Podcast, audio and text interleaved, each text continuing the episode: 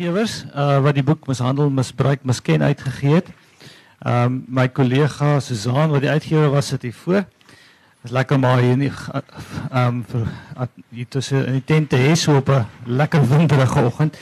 Ehm um, ek wil net sê baie dankie vir die mense wat op die verhoog sit.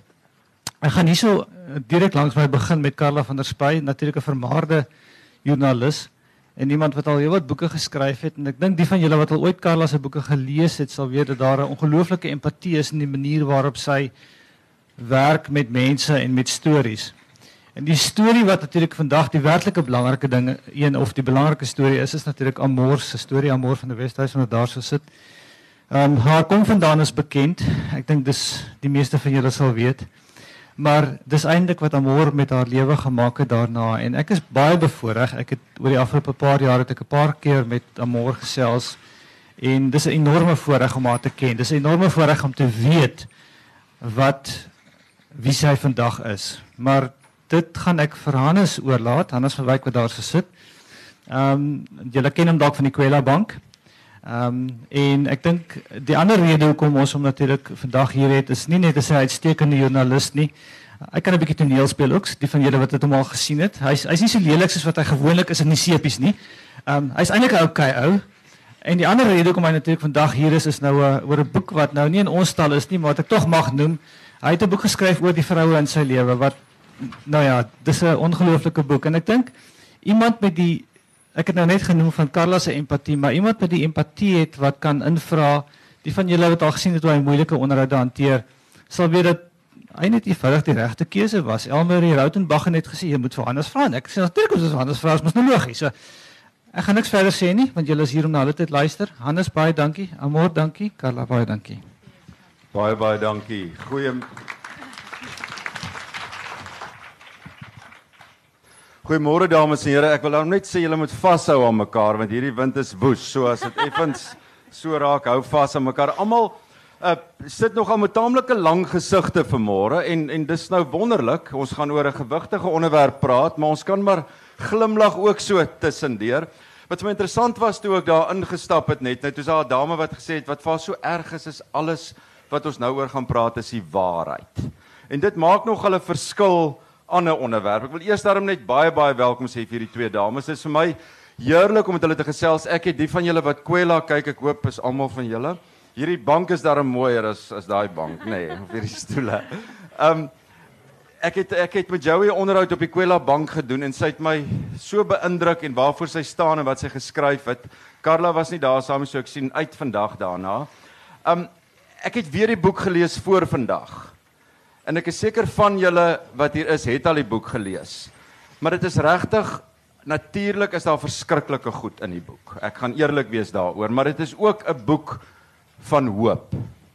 Ek moet eerlik vir julle sê toe ek nou weer die boek gelees het, toe kan ek eintlik nie dink hoekom mens die boek skryf nie.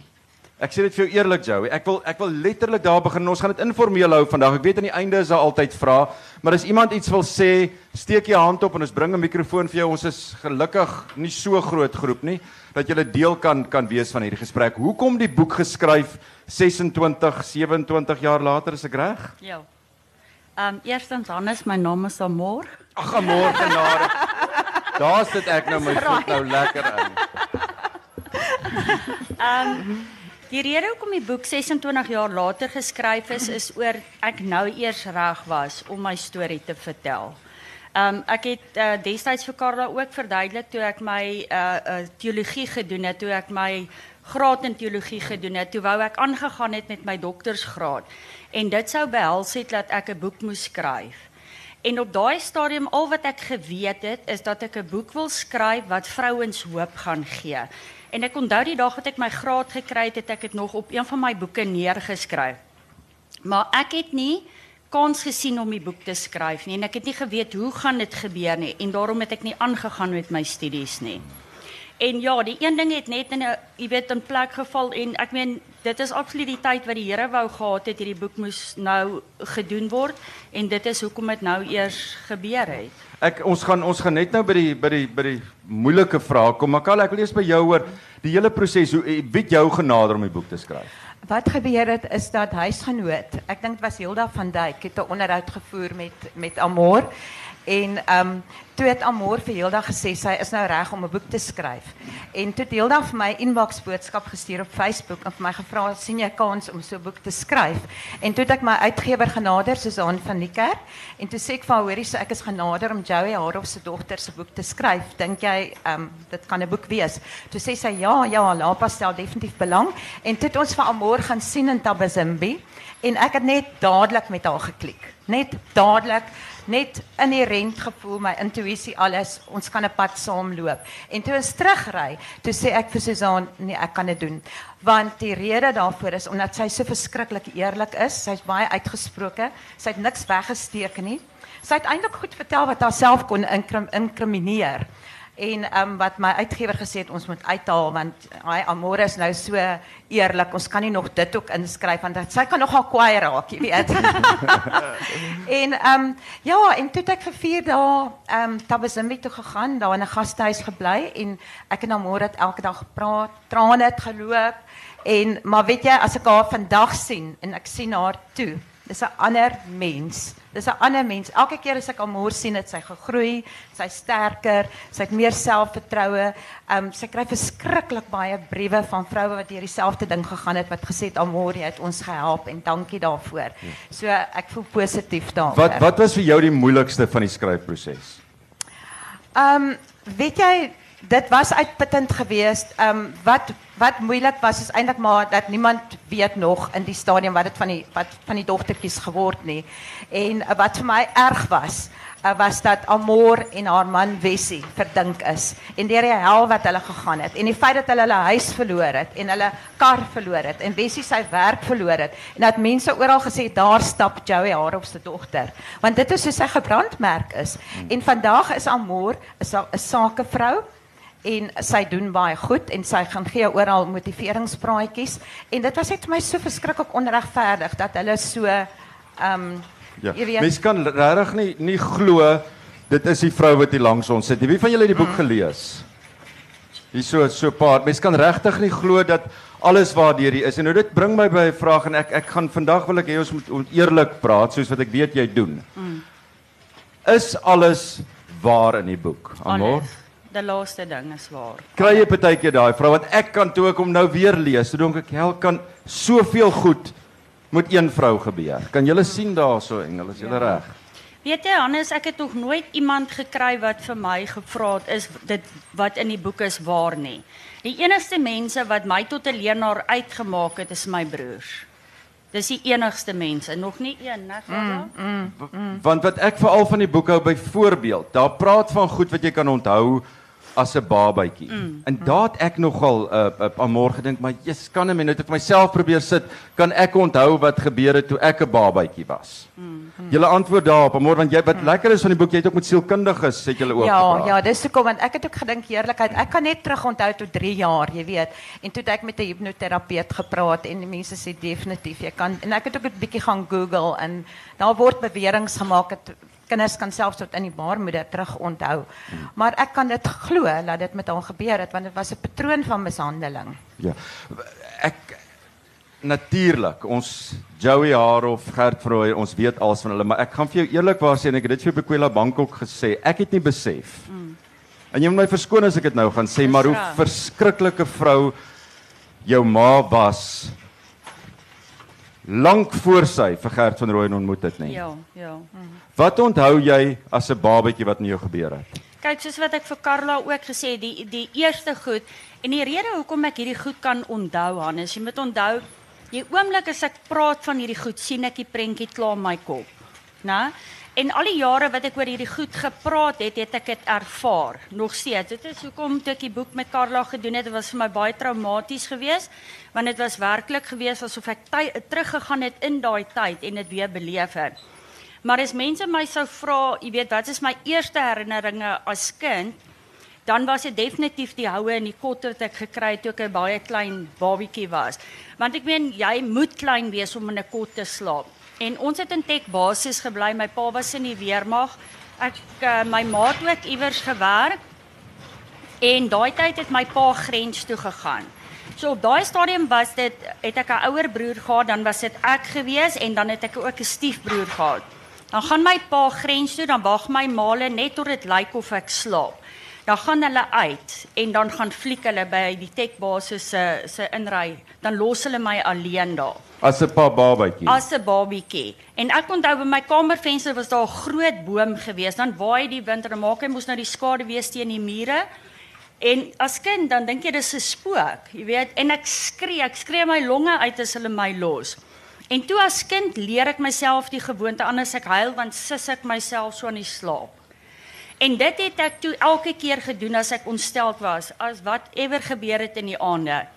En toe dit 'n probleem begin raak vir my ma, want as ek so gesis het, dan raas die kot. En die een aand het ek nog so gesis myself en die volgende oomblik toe slat sy my met 'n vuis vol in die gesig. Soos in rarig. En dit het aangegaan met my jare later dat ek op 'n bed gelê het, Hannes, en ek meen dis donker, jy verwag gaan nie. Want jy weet ek gaan deur ver, verskillende goed in my in in in in die huis en als. So dit het 'n gewoonte geword in die aand om myself aan die slaap te sis. Laat sy my wind vir my uitslaan, dat dit voel ek gaan dood. En ek het vir Karla ook gesê met die skrywe van die boek met dit dat ek klein kinders het. Um het ek eendag met my kleinseun in my arms gestaan. En jy weet my ma was 'n sterk vrou en ek is ook 'n sterk vrou. En terwyl ek met my kleinseun staan, besef ek die feit dat ek oorleef het is 'n miracle. Nee, dit is absoluut. Ek daar's daar's 'n hele paar insidente. Kalle, jy moet ook in die rede Ja. val. Sê my, kan julle al so mooi hoor want dit voel vir my of julle is hoor julle almal reg daar agter met hierdie wind. Is julle reg daar? Daar's ook 'n insident van die teestelletjie in die fiets. Ja. Ja. Kan jy ons daardeur vat? Dis breed. Ja, kyk, um wat ek ook vir mense altyd sê, my my hele ervaring as kind was ek het iets gekry, maar dan word dit vir my weggevat. So toe in my grootmensjare was dit vir my 'n geweldige probleem om oor dit te kom. Ek was baie klein geweest en dit was Kersfees en dit was weer toe ons in Tek basis gebly het en ek het 'n teestelletjie gekry en ek was baie excited daaroor en ek het dit gevat en in my kamer gaan speel. En die volgende oomblik toe kom my ma in. En sy vat dit toe by my, want sy sê vir my ja, ek het nie maniere nie, ek het nie dankie gesê nie. Dieselfde insident was met my fiets geweest, maar toe bly ons al in Voortrekker Hoogte waar die een militêre hospitaal is, die nuwe militêre hospitaal. En op daai stadium toe het my pa golf gespeel en ons was op die besig om die golfkarretjie te trek. Toe ry my ma verby met die bakkie en ons fietsse op en ek sien dit toe. En ek skree vir my broers, "Jippie, ons gaan fietsse kry." Maar my pa toe nou niks gesê nie en die Kersfees kry ons toe nou fietsse. Maar in ons huis het dit so gewerk dat jy weet ek moes maar basies alles doen. Die seuns is so konings behandel in die huis. Hulle is die luxury lewe, maar ek my ma was die die ousies wil ek amper vir jou sê in die huis Hoe gewees. hoeveel jaar ouer was jy was die broer? Kyk, my een broer is 'n jaar ouer as ek, dan is die ander een 2 jaar jonger as ek en dan het ek uh, die kleintjie, jy weet, die jongste een wat ons dan nou het. Hmm. En ja, die Kersfees het ons fietsse gekry. Hulle kon almal op hulle fietsse gaan ry. Ehm um, daai jare het my ma nog elke Kersfees etes gemaak en kom die hele familie sien toe. En toe na die ete het ek 'n kans gehad om een keer op my fiets te ry. Toe is my fiets gevat en in die garage gebeere. Ek het nooit weer die geleentheid gehad om op hom te ry nie en eendag toe het ek gesien hoe so 'n man 'n ponshop verkoop het. En ek weet sy het dit verkoop omdat sy drank gekoop het vir my pa. Want jou ma self het nie regtig gedrink nie. Sy het glad nie gedrink toe sy en my pa bymekaar was nie want my pa was 'n Ek alkoholist. probeer net verskonings kry want ek bedoel dit is vir my regtig wat vir my die hartseerste was in die boek regtig seker omdat ek so 'n diereliefhebber en so lief is vir diere is is die hondjie twintjies. Ja. Ja. Dit was my een van die ergste goed. Jy's alleen en hier kry jy die hondjie wat jy nou basies Ja. wat jou onderskraag en met jou is en wat jy vir lief is. En Ja. toe amor? Ja, ehm um, een van my onderwyseresse het uh poedeltjies gehad en toe vra ek my ma, toe sy nogal gesê ja, kan 'n hondjie kry. En ek het toe met die hondjie by die huis aangekom en dit was so regte ou steekhaar braakie, maar ek was onmiddellik lief vir haar gewees. Want jy weet diere soek net liefde. Dis al wat hulle doen. En ja, ek het al lank gehad en eendag toe ek van die skool af gekom het, toe is my hond net weg. En hulle het my geen verduideliking gegee van waar is my hond of enige iets nie. Dit was net jou hond is weg en finish en klaar. En sy was regtig, jy weet die die een iets waarna ek vasgehou het want ek meen sy is die enigste een wat vir my liefde gegee het, wat by my geslaap het, wat toegelaat het dat ek haar cuddle as jy as jy weet wat ek bedoel. En ehm um, en sy toe ek 16 was, toe haal my pa hulle my uit die skool uit, toe moes ek gaan begin verpleeg by een militêre hospitaal. En ek het die eendag middag het ek huis toe gekom van die werk af en my pa sê toe vir my, "Gaan kyk bietjie wat daar's iets vir jou in jou kamer onder jou bed." En ja, toe ek afkyk, toe sit my hond twintjies en nou nog is dit vir my so emosionele ding want ek is 'n mens, so, jy weet ek is 'n mens wat lief is vir diere. So ek wil net gou terug wat toe, toe, toe vat sy die hondjie weg toe jy van die skool af kom toe is die hondjie nie meer daar is dit nie. weg en toe toe het ek al gewerk en uh, toe was die hondjie al die tyd by my ma se oudste sussie Tannie Babs. En hulle het van hulle klein hoewe afgetrek dorp toe. Hulle het my ouma van Staden se huis na toe getrek. So toe gee hulle die hond terug vir vir my maale. En toe ek vir Twentjies sien, toe sy my sien Hannes, nou, toe onthou sy my onmiddellik. En dit dis hoekom vandag ek het ek dink ek het 8 honde. Honde is nou maar net my Ja. dit is my liefde. Uh jou pa uh, Japie Arof. Mm. Uh, dit is nogal uh, als wat ek van hom lees en wat jy wat jy sê in die boek. Um hy het jou molesteer. Ja, dis reg. Op die ouderdom van watter van watter jare kan jy daai Van dit ek kan onthou Hannes. Ek kan nie vir jou sê op 2, 3 jaar nie, maar van dit ek kan onthou is dit die dorm in die huis gewees, ja. Want jy vertel daar was daar 'n Woensdae en in in Saterdag wat jy absoluut gevrees het. Ja, Woensdae vir die rede omdat dit Woensdag in die weer mag, ehm um, was dit sportdag. Dan kry jy nou af en kan jy jou sport gaan beoefen. So as ek dan nou van die skool af gekom het, was my pa daar, want dan het hy nou kampdag net huis toe gekom om sy sportklere aan te trek, maar hy het nie sport gedoen nie want hy gedoen het hy het gaan drink en dan kom hy dronk by die huis aan. So dan as ek van die skool af kom, as Woensdae het ek regtig gevrees. Want as ek by daai hek ingestap het, het ek geweet. Jy weet, hier kom weer dinge. En dan sou hy in die kamer gewees het en dan ek met my broers was daar en um dan hy my kamer toe geroep het vir een of ander valse rede vir whatever en dan word die kamer deur toegemaak en ja, dan gebeur daar allerlei goeters. En daar jou ma het geweet daarvan. Ja, sy het verseker daarvan geweet anders. Mm. Carla, toe, as jy hierdie dinge geskryf het en jy, ek neem aan jy het so onderhoud gedoen met met soos wat ons nou praat. Ja, ja, in diepte. Hoe was dit vir jou gewees? Weet jy, dit was dit was emosioneel uitmergelend geweest. Um baie mense het vir my gesê, "Heerlikheid, hoe kan jy oor die goed skryf?" Maar ek voel, hoe kan jy nie daaroor skryf nie? Is goed wat gebeur en ek kyk na die groter prentjie. Want die uiteinde van die saak is dit almore het vir mense gewys, hoe kan jy daar uitkom? Want baie vroue word gemolesteer en praat nooit daaroor nie en hulle beland in die tronk. Want ek het voor Amor se boek het ek 'n boek geskryf, um 'n bloed op haar hande, vroue agter tralies. En ontrent al daai vroue het Amor se agtergrond van mishandeling, verwerping, um molestering en hulle het so woede in hulle opgebou dat hulle later gemoor het. Nie noodwendig die persoon wat hulle skade aangedoen het nie, maar uit woede wat wat opgeprut het. En een van die eerste goed wat Amor vir my gesê het, want ek sê te haar, lees net, jy weet, lees net 'n paar van my boeke dat jy kan sien hoe's my aanslag en kyk of jy gemaklik voel daarmee. En een van die eerste goed wat sy vir my gesê het is Karla, ek kon een van daai vrouens gewees het in die tronk. Jy kon iemand doodgemaak het. Ja. Jy Wat vir kon. my veral ek bedoel dit is natuurlik verkrachting en as 'n as 'n as 'n jong dogtertjie en algemeen maar daar's soveel ander goed wat met jou gebeur het. Ja, ja. Uh daai emosionele uh, maar dan sê jy ook en ek, en ek haal jou aan my ma dit reg gekry om my heeltemal te beheer. Mm. Maar jy sê ook ek het altyd vir haar lief gebly. Ja. Dis iets wat 'n mens nie kan verklaar nie. Ek kan dit nie vir jou verklaar nie. En ek meen Karla het dit ook vir my gesê. Jy weet, as jy gaan daai boek van haar lees, Bloed op haar hande, al daai vrouens in die tronk sê dit. Dis iets wat jy nie niemand kan dit uit jou vat nie. Maak nie saak wat jou ouers aan jou gedoen het nie. En ek dink dit is ook omdat ek self 'n ma is, omdat ek self 'n dogter het en ek het klein dogters, né? Ek, ek meen alles my hele lewe daai daai band wat ek met my dogter het. En ek dink ook Hannes dit is omdat ek het net goedkeuring by haar gesoek wat ek nooit gekry het nie. En ja, wat sy aan my gedoen het, het sy gedoen, dit is oor, dis verby. Ek kan dit nie verander nie, maar sy sal altyd my ma bly. Ja, is wonderlik dat jy dit sê. Ek wil 'n paar insidente aanhaal net om mense ook meer insig in die in die boek te gee. Daar's die storie van die aangebrande boontjies. Ja. Ja, ehm um, een van die goed wat ek altyd moes doen, kyk, ek het nie 'n normale kinderlewe gehad soos wat my broers gehad het nie. As ek van die skool af gekom het, moes ek huis skoon gemaak het, ek moes in die tuin gewerk het, ek moes kar gewas het, ek moes kos gemaak het.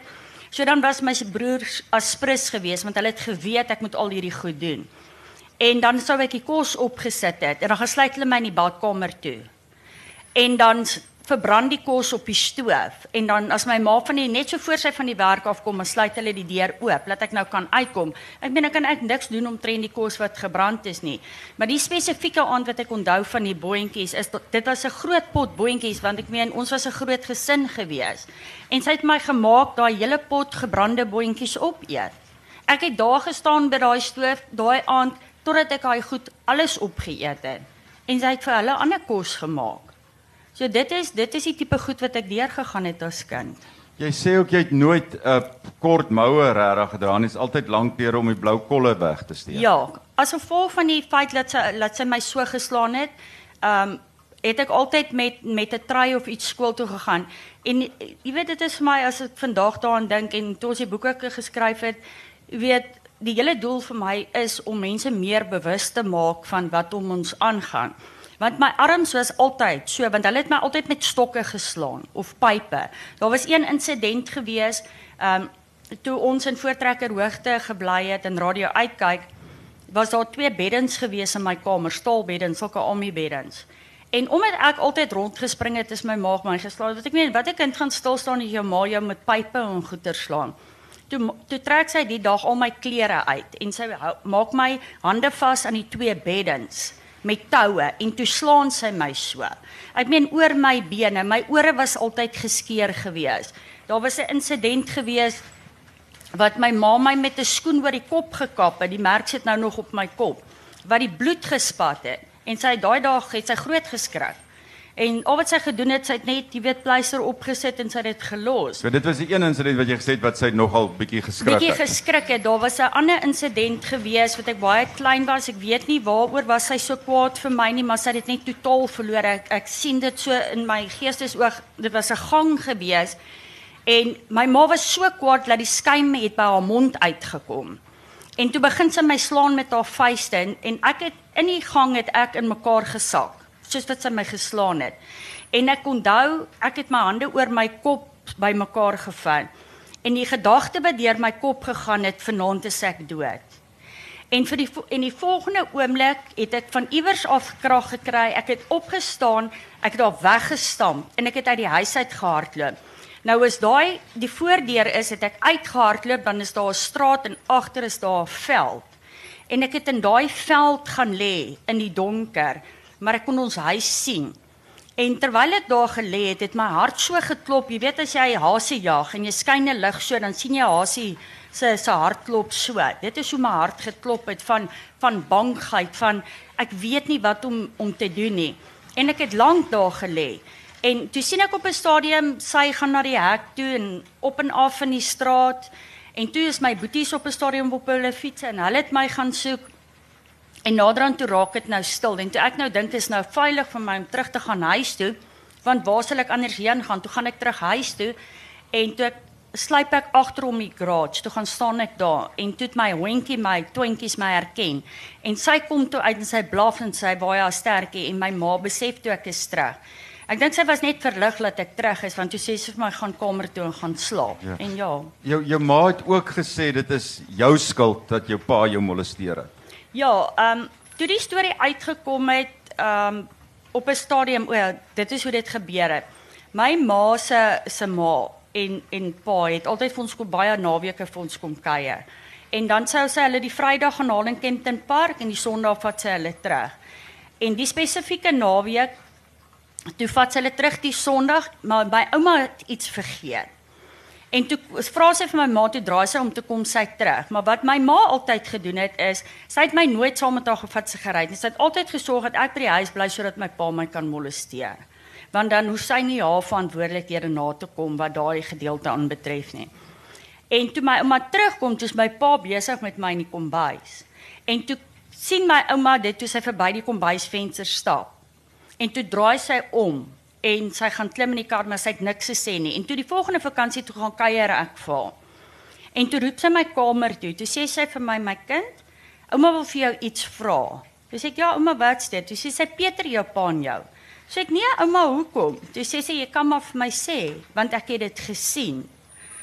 En ja, toe het ek ek het net gehuil want ek was bang. Ek het nie geweet wat gaan gebeur nie. En sy het net vir my met my gepraat en alles en ek het nie geweet wat sy gaan doen nie. Maar wat toe gebeur het, is sy het met ander familielede daaroor gepraat. En toe in plaas van dat hierdie situasie toe nou opgelos word, toe word hierdie situasie groter.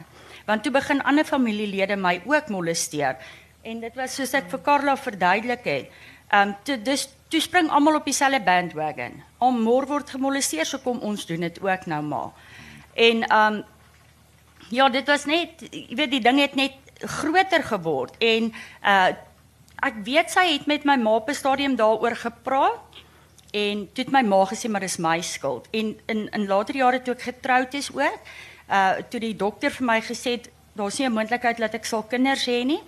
En ek al gebel het uh en ek al gesê het daarvan dan dis wat 'n dogter doen. Jy weet as jy slegte nuus kry jy bel jou ma. O toe was my toe's my pa net oorlede en my ouma is daar by my ma en my ouma vra toe vir my ma maar Joey is dit nie oor wat Japie aan haar gedoen het nie en toe is dit weer hmm. nog vir my. Uh, uh, uh, Carla dit mm, ek daar's geen verskonings wat 'n mens soek nie, mm. maar het, het julle nou al jy weet ook die ander boeke geskryf het. Mm. Mm. Uh, Joey se geskiedenis. Mm.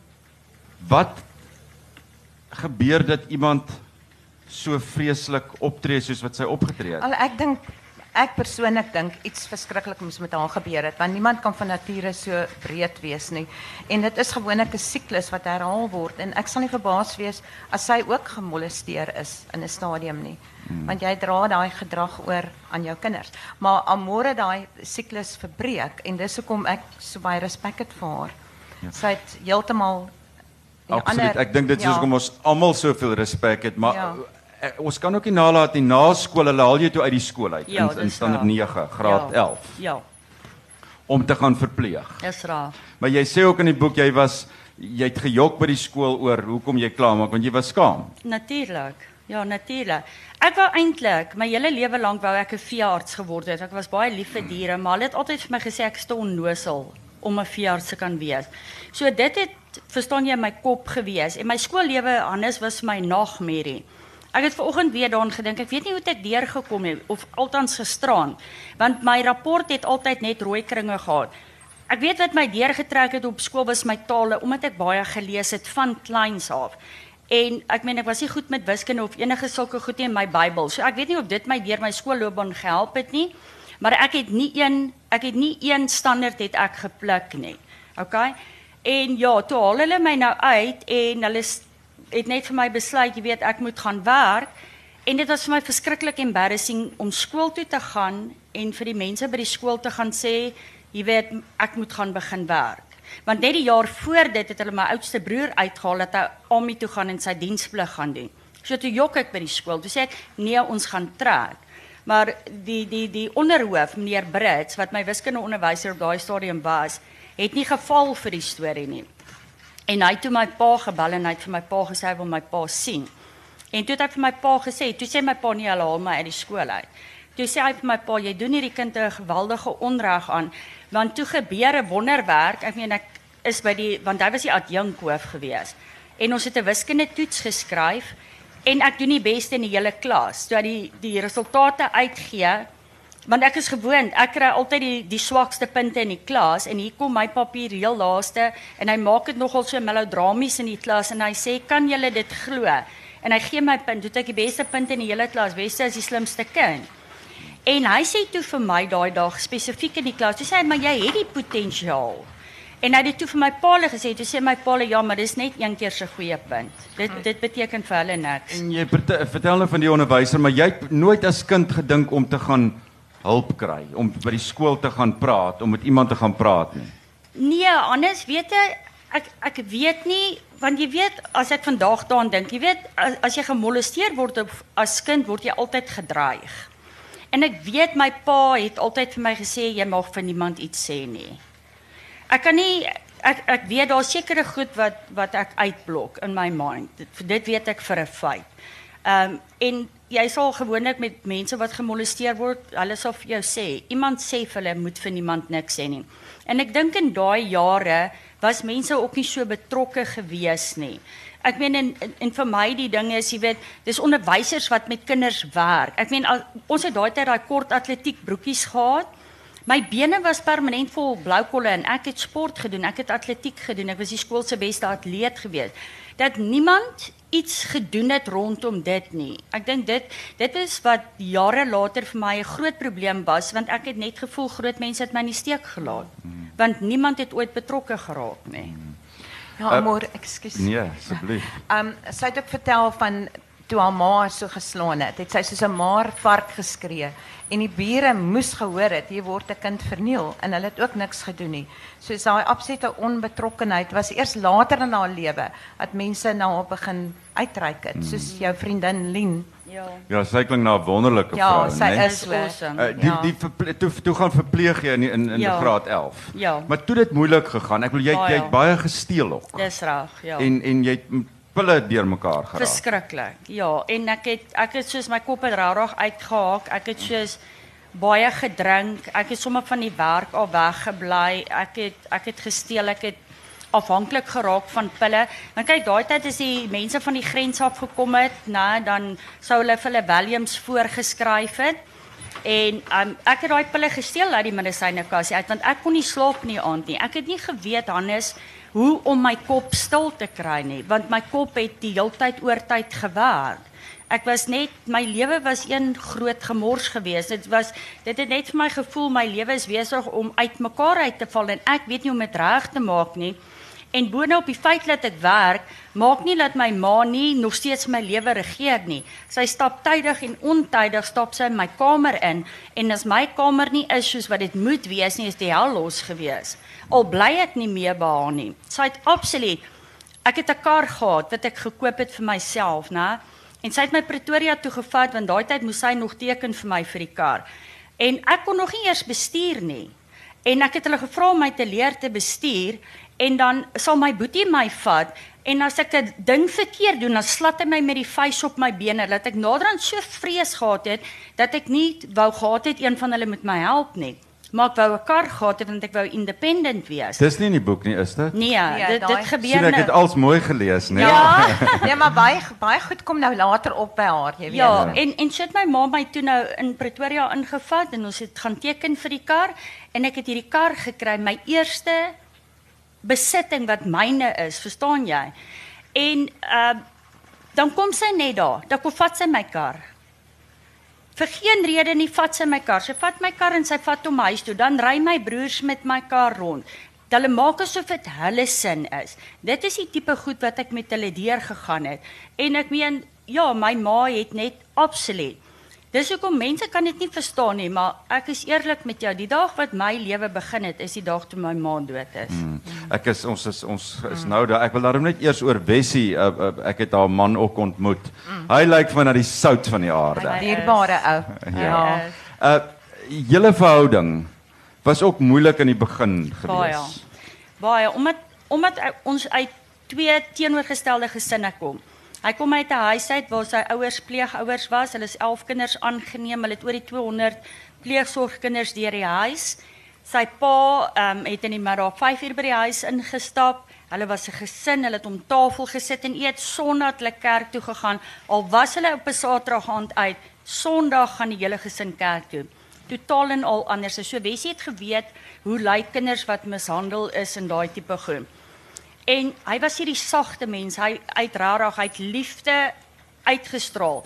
En jy moet onthou, al wat ek geweet het wat om te doen is harde werk. Ek meen, ek het gedink die lewe gaan oor harde werk. As jou huis skoon is, is kos op die tafel, jou kinders is versorg, jou man se klere is gewas en gestryk, dan is dis dis hoe 'n huwelik gaan. Ja. Daar's nie van jy raak mekaar aan of daai seksuele gedeelte of daai tipe goed nie. En toe begin daai goed 'n 'n 'n probleem raak in ons huwelik. En 'n uh, sekere maniere hoe ek opgetree het teenoor hom, jy weet, as ek ehm um, vir geen rede, maar dit was maar al die goed wat met my gebeur het met jare. Ek sou die oggend opgestaan en dan's ek so bevoeterd soos 10. En ek kan nie vir iemand sê hoekom is ek so nie. En hy het vir jou hy het vir jou bygestaan. Natuurlik was daar moeilike tye gewees. ja. Uh, byvoorbeeld wat ook in die boek uitkom is hoe uh uh Joey en haar en jou broer Ja. vir jou geslaan het toe jy swanger was. Dis reg. Ja. Ja, toe het ons by Iskor gewees. Uh uh Wessie het by Iskor gewerk by die sekuriteit. En my maat weer eens, as kom ek vir jou sê, sy het altyd, maak nie saak nie, terwyl ek getroud is, het sy nog steeds in my lewe ingemeng. En hulle het die aand soontoe gekom, ek kan nie onthou waaroor die bekleierery gegaan het nie. Wessie was by die werk en ek het my maat beklei want sy het toe die verhouding wat ek met my jongste met met een van my boetie naam my Pieter gehad het, het sy totaal en al het sy vernietig deurdat sy vir hom gesê het maar ek lieg, my pa molesteer my nie. So dit was die rede hoekom ek en Pieter uitmekaar het is en toe het ons meer as 'n jaar niks met mekaar te doen nie, en toe stap hy die dag ook daar saam met haar in. En toe ek en sy beklei, toe gryp hy my aan my keel en ek is swanger en hy tel my so teen die muur vir op. En eventually is hulle daar uit. Ek sê weer en ek het gesê toe ons begin het met hierdie gesprek, dit is ek het regtig ek weet nie of julle my saamstem, maar ek het nie besef hoe verskriklik jou ma was. voor voor sy vir Gert van Rooyen ontmoet. Nou ons ons fast forward. Uh sy ontmoet vir Gert van Rooyen in 1987. Ja, Is ek reg? dis raar. Hoe was hy vir jou? Kyk, ek het niks van hom gehou nie. Ehm um, anders vir die eenvoudige rede, my my instinkte het, jy weet, op daai stadium net vir my gesê, jy weet, ek was maar bang vir mans gewees om jy eerlike waarheid te sê. Ek was gemaklik rondom my eie man en daar was net iets rondom hom. Hy was net hy hy het hom net voorgedoen wat ek net geweet het hy nie is. nie. Want hy die Bybel byvoorbeeld aangehaal uit die Bybel. Absoluut, ja. Uh, en en en hy was vreeslike vrome man. Ja, en ek was een insident was ek saam met hulle kerk toe gewees. En kyk, ek was in 'n tradisionele kerk grootgemaak, né? So en toe hulle nou hier staan en hy amen en hy bid so kliphard en alles, toe was dit vir my nou nogal jy weet ek was nie so iets gewoond nie.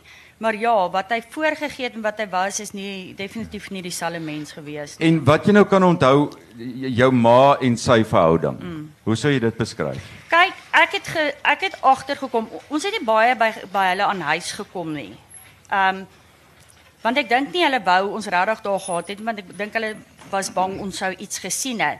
Maar die kere wat ek wel saam met my ma was, twee kere by by 'n wimpie gewees wat ek gesien het sy 'n blou oog. Toe het ek haar gevra oor dit. En toe het sy vir my gesê nee, maar sy het geval teen die bus se se kan. 'n Ander insident was uh toe ek een keer verjaar het, toe nooi hulle ons sien toe toe ons na hulle toe gegaan. En dit was die keer wat hy my daar in die badkamer voorgekeer het en my gesoen het want uh, toe stuur my ma my onder valse voorwendsels kamer toe om iets te gaan haal. En toe ek daar uitkom, die volgende oomblik toe toe staan hy reg voor my. Toe druk hy my teen 'n muur vas, toe begin hy my soen. En ek meen ek was so lamp van die skrik toe Gert my soen. En Jy weet nie wat om te doen nie. Dit is asof alles stil staan. En ek besef toe net ek druk hom weg en ek gaan toe, jy weet, kom by so en ek maak of niks verkeerd is nie. En daai spesifieke aand het ek gesien dat my ma drank gebruik en sy het nooit gedrink nie en dit was vir my vreemd want sy het rarig drank gehad. Sy het op 'n stadium ook uh, gesê jy moet vir Bessie jou man los, Los, ja. Ja. en en en met Gert trou. Ja, dis raar. Wat se houvas dink jy het Gert van Rooyen op jou ma gehad? Wel, uh as ek moet dink, ek dink hy het my ma my logiese verstand het vir my net op 'n stadium gesê ek dink hy het haar op drugs gehad. Ek is eerlik met jou. Ek het dit ek het dit vir Karla mm. ook gesê. Dis mm. al wat vir my sin gemaak het. Want ek kan nie dink dat enige mens by sy volle positiewe, want ek meen Hannes, ek sal my lewe nooit dit aan Chandray doen, my dogter nie. Ek meen sy het vir my rarig, sy het vir my gesê en jy jy julle verstaan nie die maag wat my ma oor my gehad het nie. En ek het daai maag geken. En ek was so bang, nê, nee, want dat sy 'n manier sou kry om om dit reg te kry dit wat sy wou gehad het. Het dit al en ek sit nou vir eerste keer daaraan en dink, het dit al by julle opgekom dat jou ma die houvas op Gert van Rooyen gehad het en nie andersom nie, want alles wat ons nou gehoor het van jou ma tot op hede. Weet jy ja, ek, ek hoor wat jy sê maar hy hy wat Henk my mee gehelp het. En kyk, ek en Henk het sielkundige. baie Die sielkundige, ja. ja, die, ja, baie gehelp het. Um, en daai numeroloog, né? Ja, Sandy ja. en dan ook uh, Martie Martia. Martie En- Maria. Maria, ja. Ja. Hulle het my almal gesê nee, dit is nie so nie al lyk dit so, is hy die een wat die hou vas op my ma gehad het. Môre jy het nooit vermoed nie, ek bedoel jy het nie saam gebly nie. Nee, Maar die verdwyning van die van die van die meisies, jy het nooit 'n vermoede gehad nie. glad nie. Nie in die minste nie. Ehm um, ek onthou ek het 'n berig in die koerant eendag toevallig raak gesien. Dit was net nadat my niggie Jolanda weggeraak het. En ek onthou nog ons was by die woonstel gewees, ons het buite by die woonstel gestaan. En toe vra ek vir my ma, "Is dit waar dat Jolanda weg is?" En sy het vir my so gekyk, toe sê sy vir Ja, my, ekskuus, julle weet nou dit is nou uh Joey se suster, se- tannie Babs. se dogter, ja. dogter Jolanda, nee, so dis jou niggie. "Dis my niggie, ja." Ja. ja. Toe het sy my so gekyk, toe sê sy, "Ag, hulle wou haar in elk geval nie gehad het nie." Maar ek meen ek het my nie regtig aan dit verder gesteer nie totdat die insident gebeur het dat ek meen hulle in my huis was en van daar af vervlug het en die hele storie uit. Va- Vat ons net 'n klein stapie terug. Jy het met jou tannie of iets ook gepraat. Ja. En toe sê sy vir jou maar want die die die, die sketse het uitgekom om te om te sê hulle soek hierdie twee mense. Ja, wat gebeur het dan is ek en Wessie was die naweek Klerksdorp toe gewees en gelukkig het ons ons oudste seun want toe het ons daai stadium net vir Hannes gehad daar gelos om te kuier. En op pad terug op die trein het ek skielik baie siek begin word. So ek het hierdie nare gevoel gekry, ek was regtig siek. En Wessie vra vir my wat fout. Ek sê vir hom ek weet nie, iewers is iets groot fout. Ek weet nie wat dit is nie. En ons het toe uh, toe bly ons ehm net 'n straat onderkant in van der Hof in Pretoria. En toe ons by ons hekkie inkom, toe sien ons maar die glas is oop en alles. En toe ek instap, toe sê ek vir Wessie ek het jou gesê iets is fout. En ons stap toe binne in en toe kom my ma en Gert van Rooyen uit ons kamer uit. En vir my, ek meen sy het nog nooit by my huis geslaap nie. Wat soek hulle in my huis? Ek en Wessie was weg gewees. Wat soek hulle hier? En toe sê hulle vir hulle hulle vir ons, hulle wil met ons praat. Toe gaan staan ons in die kombuis. Ek het nog so teen 'n kas gestaan. En ek kon sien hulle is baie senuweeagtig, veral my ma. En sy sê vir my nee, daar's iets wat hulle ons moet vertel. En sy sê toe vir my, hulle het 'n polisievrou se kind probeer ontvoer en die kind het weggekom. Hulle het die kind ontvoer vir geld, vir losprys. En daai tyd wat was ek baie naïef. En ek sê vir haar, "Maar mamma, as as die kind dan weggekom het, ehm um, gaan dan net polisie toe, want dit is wat my logika vir my gesê het. Gaan gee julle oor, julle sal niks oorkom nie." Haar presiese woorde aan my Hannes was: "My kind, jy verstaan nie, hulle gaan ons doodmaak." En toe sy daai woorde vir my sê, toe besef ek hier's iets groter aan die gang waarvan ek nie weet nie. En toe praat jy met jou tannie en sy sê maar my kind, kan jy nie sien dit is jou ma op daai. Dis reg, want toe vlug hulle van daar af, my ma en Gert van Rooyen. En dit was die laaste wat ek haar lewendig gesien het. Die laaste gesprek wat jy met haar gehad het? was ehm um, toe ek by my tannie Poppy was en sy gebel het en ek vir haar gesê asseblief kom terug gee julleself oor. Toe sê sy vir my ehm um, toe sê ek vir haar ek is lief vir jou. Toe sê sy vir my jy weet nie wat liefde is nie want toe ek jou nodig gehad het, toe wou jy my nie help nie. Ja, maar sy was kwaad omdat jy nie vir Wessie wou los vir Gert nie. Ja. Dis eintlik Ja. bizar, Ja. want sy was verloof gewees aan aan Gert. Ja. Daar uh, uh, daar was ook baie wat jy skryf in die boek oor oor die oor die polisie, Karla, wat jy nie tevrede was want julle gaan toe dadelik polisie toe. Dis reg, Om ja. te sê wel uh, uh, Joey en Gert was nou net in die huis gewees en dit is waarvoor hulle gesoek word. Dit Dis dis dis haar ma. So julle gaan toe polisie toe. Ja. En die en die en die polisie was ook nie 'n goeie ondervinding mm. geweest nie. Karla, wil jy daarop? Ja, hulle hulle het julle nie geglo nie, né? Ja, ja. En ehm um, ja, eers later het al die dinge uitgekom en toe begin die polisie julle te verdink en hulle het tydig en ontydig daar opgedaag en hulle vir ondervraging gevat weg van hulle kinders af Ja. ja. Kaap toe. Daai is vir my baie erg in die Daai was vir my verskriklik my geweest. Da, wat hulle letterlik vir vir die twee mense verdink het met die met dat hulle die kinders te doen gehad het met die ontvoering. Hulle het byvoorbeeld by hulle aangekom, julle het toe twee is dit twee kinders Ja, gehad. twee seuns. En en uh, lang storie kort te maak het hulle die kinders na daarom gesê hulle kan na na Na Bessie se se- ja, ouers toe. ja. Toe vat hulle julle Kaap toe. Dis reg. Ons het eers by op 'n plot begin iewers in die donkerte. Die polisie toe ja, nou, né? Ja, ja, en toe het ons so getoer en jy weet Kaapse kant toe gegaan.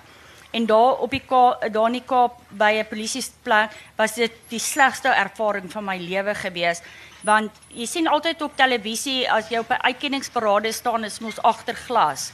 Maar dit dit het nie daar so gewerk nie. Ehm um, jy staan so in 'n ry En dan kom die persoon wat jou nou kon sê want toe word ons daarvan beskuldig ek en Wessie dat ons in die Kaap probeer het om kinders te steel. En ek en Wessie was in ons lewe nog nooit in die Kaap gewees nie. Jy het nie eens 'n kar gehad nie. Ons het nie eers 'n kar gehad nie. En die vrou kom so afgestap en terwyl jy daar staan Hannes, ek is seker daarvan die mense kan jou hart hoor klop. Dis so hard jou hart klop. En sy loop en sy gaan weg en sy gaan staan en die volgende oomblik kom sy reg voor my en sy kyk my in die oë. Sy sê vir my jy's die vrou wat die kinders ontvoer het. Ek het gevoel ek gaan dood op daai oomblik. Want al wat deur my kop maal die hele tyd wat ek daar staan. Ek het toe nog nie 'n verhouding met die Here gehad. Ek het nie eens geweet mense kan so iets hê nie. Is net hoe gaan ek bewys ek is onskuldig? En sy kom staan reg voor my en sy sê vir my jy's die vrou wat die kinders ontvoer het. En ek sê altyd vir mense ek, ek weet presies hoe Jesus gevoel het toe hy voor Pontius Pilatus gestaan het en vals beskuldig is want dit is wat daai dag gebeur het. Want ek is vals beskuldig van iets waarna ek nie betrokke was nie. En my man het 'n soortgelyke insident ervaar aan die ander kant waar 'n vrou hysteries geraak het oor hom. En toe split hulle ons op toe ons terugkom van die Kaap af uh, Johannesburg toe. Dan het hulle my man een kant en my een kant en dan vertel hulle vir my my man is deel van hierdie hele storie. Hulle brainwash jou naderhand dat jy glo jou dat ek glo ek ken nie my man nie. Ek glo my man is betrokke saam met my maale in hierdie hele of 'n storie. En en en 'n positiewe is dit is dit 'n uh, 'n polisieman, 'n wonderlike man. Wat is sy naam? Wat wat Ja, Karel toe op 'n stadium toe hulle nou so ondervra word Ja. en al die goed toe bid jy op 'n stadium. Ja, dit was die aand net voor ons vrygelaat het toe by die laaste Maar plek dit was wat ons opgeneem. Ja, Ja. toe sit ons in die bed en ek meen soos ek jou sê ek het nog niks geweet van 'n verhouding met die Here nie en toe sê ek fed up. Ek was gatvol om die minste te sê. En ek sit op daai bed en ek sê vir Wessie luister nou vir my. Ek gaan nou bid. Hy het groot geword in 'n huis van kerke en goed, ek nie. Ja, dis nou midde in hierdie ondervraging goed Ja, wat hulle nou en ek het daar daar gesit en ek het bietjie gebid en die volgende oomblik toe bid ek en ek gaan dit presies sê soos wat ek dit gebid het want ek wil hê julle moet besef ek meen die Here word nie geïntimideer deur dit wat ons doen en dit wat ons sê nie. En ek sê toe vir die Here, Here, hoe lank gaan jy nog toelaat dat my ma my lewe opfok? Net so. Dit is wat ek gebid het. En ek sê toe amen en Wessie kyk my so hy sê jy kan nie so lelik praat met die Here nie. Ek sê vir my kan, ek moet vir die Here sê hoe ek voel. Hy moet weet wat in my hart aangaan. En die volgende dag toe ons in Johannesburg is, hulle weer deur hierdie proses gegaan en net so vinnig en daai gedagte, ek kon dit net nie meer hanteer nie en hierdie ou het voor my gestaan met sy geweer in sy uh sy en die gedagte deur my gegaan, ek gaan die ding uithaal, ek gaan my kop wegskiet want ek kan nie meer nie want hulle dat dreig my die hele tyd om my kinders vat. En net toe gaan die deur oop. Toe kom Karel in.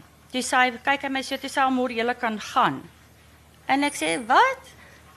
Hy sê, "Ja, julle kan gaan." En ons gaan in die gang. Ek sê, "Nou, wat het julle van mind verander?" Hy sê, "Daai gebed wat jy gebid het." Toe was hulle ge, ge wat noem Die mens dit? heeltyd. Ons het dit nie Ja. eens geweet nie. So hulle het ons die heeltyd gerekord Hulle het oor hulle al ons heeltyd gesprekke, ja. Alles opgeneem. En Want- ja, Nee, Dit was die laaste wat hulle en toe sê hulle ja.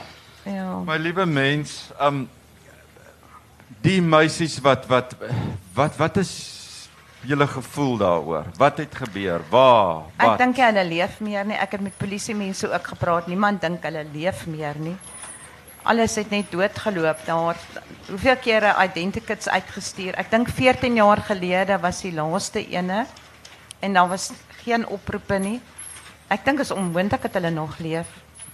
A- As jy nou jy ek, ek seker jy het teruggegaan in jou kop en kan jy nie dalk iets onthou en het daar nie iets gebeur wat jy dalk jy moes dit tog gedoen het. Natuurlik. Of jy nie iets gesien het of jy nie Ja, wel ek het selfs um, met Alet op 'n stadium gepraat. Ek het vir gesê, luister as dit nodig is, kan jy my onder hipnose sit want met die verhouding wat ek nou met dokter Henk opgebou het, ehm um, vertrou ek hom 100%.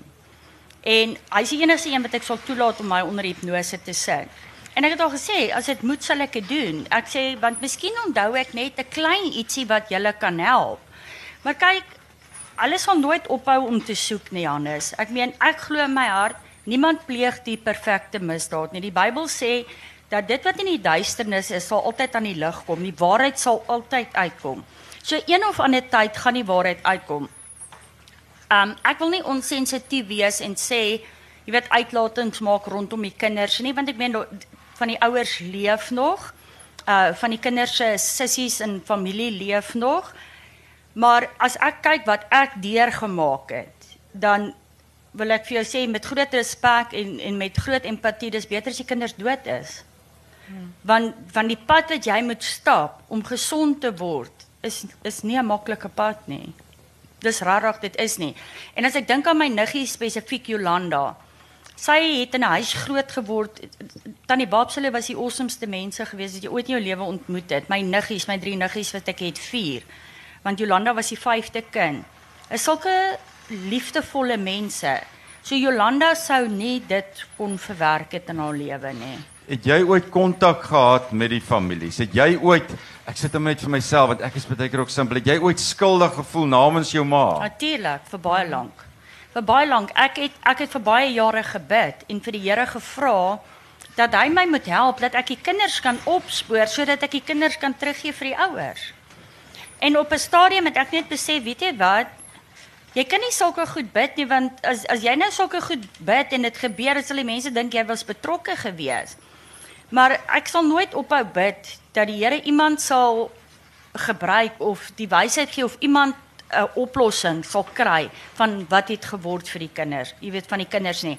En deur hierdie hele proses met die huisgenote Tannie Babs het sy vir vir Hilda gekontak en sy het my gebel. En sy het vir my gesê my kind, weet jy wat?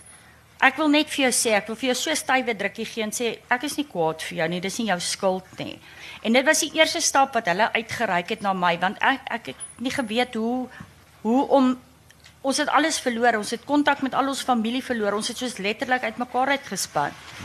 En ehm um, toe vind ek uit kort daarna toe ek en Karla besig is met die boek Tannie Babs het kanker, toe sy dood. Net na na die boek uit is sy dood. Maar ek het my niggie se kontak, Jolanda, my jongste niggie. Ons praat met mekaar en alles en Ja, dit is die enigste familie met wie ek kontak het. Gerugte is wat julle ook in die boek sê wat gebeur het is uh Gert het jou ma geskiet het om toe homself geskiet. Maar daar's allerlei stories rondom dit. Baie ja, stories rondom. Ja, ek ja. het ook verskeie teorieë en goed gehoor, maar niks is bewys tot dusver nie. So die amptelike weergawe is hulle het selfmoord gepleeg. Ja, my my gevoel en ek het dit al op televisie gesê en alles. Um ek het dit in die boek ook gesê. Ek glo 100% in my hart is ek oortuig daarvan daar's meer mense betrokke. Hmm. Ek twyfel nie vir 'n oomblik nie. Ek dink my maan Gert van Rooyen was net twee pionne wat deel was van 'n hele netwerk. Hoekom sê jy so? Ek weet nie, Hannes, my gevoel sê dit net vir my. Jy weet as 'n mens met jare doen jy wysheid op. En omdat ek baie lief is vir lees, het ek baie boeke. Ek het onder andere daai boek Stiletto gelees. Die boek gaan oor 'n girl wat jy weet ook so gebruik is in alles in die onderwêreld. En uit 'n paar sulke boeke wat ek gelees het, het ek begin 'n uh, ander indruk, indruk kry van hoekom die kinders, ek weet nie, uh, uh, want hoekom hoekom ontvoer jy kinders, meisiekinders Hannes, want wat wil jy met hulle doen? Ek meen dit is oral bekend, oral oor die wêreld. Wat doen hulle met die meisiekinders as hulle hulle hulle hulle verkoop hulle en en gebruik hulle seksslawe, daai goeters. Ek kan dit nie bewys nie, maar dis hoekom ek vir jou sê, ek glo 100% daar's meer mense involved in hierdie hele storie. Ons selfs nou so lekker ons julle moet 5 minute. OK, ons is nou is julle nog reg. Ehm um, mense het jou ook ek weet dit's nou beter, maar as hulle hoor jy's Joey Haarhof se dogter, ja. ook maar sleg behandel, né? Nee? Ja, baie.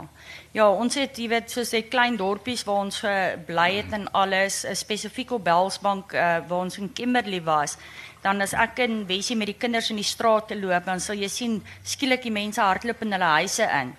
Toe sê Wessie vir my die mense praat agter ons rug. Daar gaan Joey Haarhof se se se se dogter. Sluit julle kinders toe, net nou word hulle gesteel, daai tipe effek, jy weet.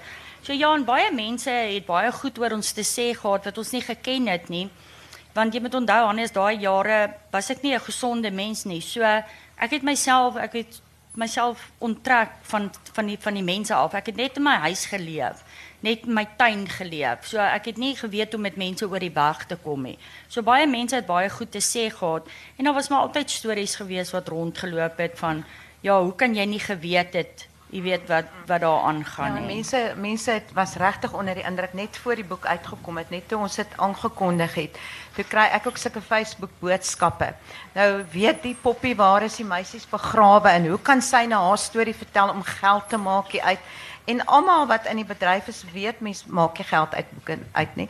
En Amore het nooit gevra hoeveel gaan sy maak daar uit of niks nie. Sy het net gesê sy wil haar storie vertel. En um, ek moes op 'n Oos-Kaapse toer gaan en daar was twee mans wat gesê het hulle wag vir my. Hulle het vra moeilike vrae vir my te vra. Hulle wag vir my. Jy weet, dus ek lees eers die boek, dan kan ons praat. Mm. En dis hulle so mak soos 'n lammetjie. Jy weet, maar mense was baie bevooroordeeld geweest. Ek wil, wil nou net op 'n positiewe dit gaan nou baie goed, maar kyk sy's nou skatryk. Sy het 'n eet eetplek daar in Tabazimbi, dit gaan baie goed. Gee net vir ons in 'n neutedop wat jy nou doen en hoe dit gaan. Uh dit gaan baie goed met my. Um rarig waar emosioneel. Um ek het baie baie gegroei van dit die boek uitgekom het, baie selfvertroue gekry. Die Here het my in die diep kant ingegooi. Ek meen ek operate nou met 'n selfoon en met die GPS en met my met my kar. Jy kan dit nie glo nie. Ek ry waar ek moet ry.